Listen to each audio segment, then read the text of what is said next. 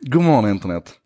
I helgen så var det igen den 11 november och vi kanske märkte det lite grann här hemma. Jag vet Elgiganten till exempel, de slog hårt på att det var Singles Day. Och det är ju det här eventet då som har sitt ursprung i Kina, eh, där eh, Alibaba sedan 2009 egentligen har tagit över det här som från början var ett studentinitiativ där man på den 11 november, 11-11, double sticks, eh, på kinesiska låter det som Bachelor också, eller den kinesiska motsvarigheten till Bachelor. I alla fall, den 11 november, Singles Day, har blivit en, ett jätteshopping-event. Och jag pratade om det här förra året, jag kommer förmodligen att prata om det här 2019 också, för då är det ju 10-årsjubileum. Men det här är ett event som vi måste bevaka. Och jag säger att vi, att vi måste bevaka det ur, ur framförallt det här perspektivet att det kanske inte är så att vi ska försöka kopiera allt det här som Alibaba gör. Ehm, men vi måste lära av det, vi måste titta på det. Jag hade ett par exempel här nu i veckan som gick om någon matskribent på Svenska Dagbladet som avfärdade Matgeek, Johan Hedbergs sätt att göra journalistik på. Ehm, vi hade nyhetsankare som avfärdade de här ehm, kinesiska digitala nyhetsankarna som man testar nu. Vi har när jag pratade om Amazon härifrån Dorking i förra veckan så hade jag massor med människor från retailbranschen som avfärdade att det där skulle vara ett problem. Och så. Alltså, vi är väldigt snabba att avfärda. Vi är väldigt snabba att säga att ja, men det där berör inte oss och det där kommer inte att hända här och det där kommer inte att påverka mig. Jag tror vi måste sluta med det. Vi måste bli mycket, mycket bättre på kanske det som jag försöker bygga hela en sak idag på. Att vi ska hämta inspiration utanför våra egna fögderier och ta in det och, och, och försöka själv. Liksom så här, det är ingen som, som skedmatar oss med exakt vad det här betyder för dig idag utan vi behöver göra den här tankeprocessen själv. Men i alla fall, lite, lite siffror här då, för det här var ju naturligtvis igen då en fantastisk framgång. Det är 24 timmar man kan handla. Eh, de sålde, det, bruttoförsäljningsvärdet var 31 miljarder dollar. och, och, förra året så var det 25 miljarder dollar, så det här är ju upp ungefär 25 procent. Och då kan man ju säga att den här kurvan håller på att plana ut lite grann, för mellan 2016 och 2017 så var de upp nästan 40 procent. Men det är klart att det finns en, en platå för allting sånt här. Och 30 miljarder, 31 miljarder dollar, 30,8 miljarder dollar på 24 timmar, det är makalöst.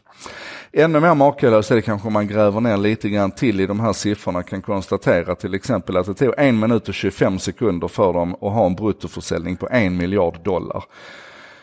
Det är alltså i runda slängar 9 miljarder kronor som man säljer på en minut och 25 sekunder. Jag har inte hittat någon siffra jag på antalet transaktioner per sekund, men redan förra året så pikade de på 375 000 transaktioner per sekund när det var som värst. Och då kan man ju tänka sig vad det betyder om det systemet ligger ner en liten stund. Det är inte vackert.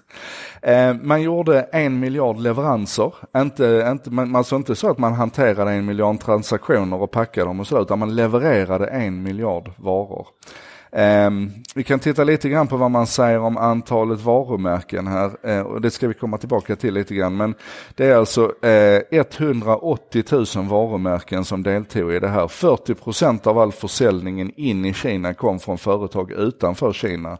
Där Japan var störst, USA var näst störst, sen var det Sydkorea, Australien och Tyskland på femte plats. Men 40 procent av varorna kom alltså utanför Kina och såldes in i Kina, på tal om handelsbalans och sådär. Det var två av de här, av de här 180 000 varumärkena så var det 237 varumärken som kom över eh, 100 miljoner i den lokala kinesiska valutan, alltså 14,4 miljoner dollar. De sålde alltså för lite drygt en miljard. 237 varumärken gjorde det här. Nej, det kan inte stämma. Nej, 140 miljoner dollar. 14 miljoner dollar, 140 ja 14 miljoner dollar. 237 varumärken sålda för 14,4 miljoner dollar var det. De nådde alltså upp över den gränsen. Och det här, det här är ju då en av de intressanta sakerna här. Daniel Schwang som är den, den nya vdn på, på, ja nya ny, men vd på, på Alibaba. Han säger att det här är lite grann som the Olympics för, eh, alltså olympiska spelen för handlarna. Eh, det är här man testar och utvärderar hur det står till med innovationen. Man kan också säga att på konsumentsidan så blir det fortfarande så naturligtvis att de, de yngre kineserna de vill konsumera mycket. Men för väldigt många andra kineser så handlar inte det här så mycket om konsumtionen per se längre som om upplevelsen.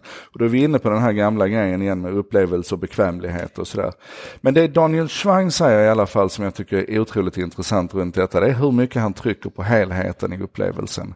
Så att Alibaba som alltså har startat som ett, ett uttryckligen e-handelsbolag är idag på väg in i eh, fysiska affärer en masse. Man har ett koncept som heter Hemma som är en slags robotdrivna eh, fysiska affärer med, med restauranger med robotköpare och så vidare där man verkligen blandar tekniken med de fysiska förutsättningarna. Och det, Alltså så här kan vi hålla på. Det finns så mycket spännande och intressant att lära av detta. Två källor tycker jag ni ska hålla koll på. Ni ska gå till, till podden Digitala Draken och lyssna på den. Ehm, jag är inte lika förtjust i, i den säsongen de kör nu, men som koncept är det briljant och de ger en djup insyn i vad som händer i Asien.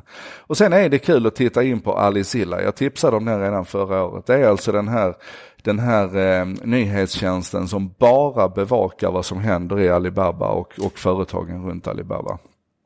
Det är superspännande och man får eh, mycket siffror men också mycket analyser. Alicilla, Digitala Draken och så ses vi i En sak idag igen imorgon. Samma tid, samma kanal.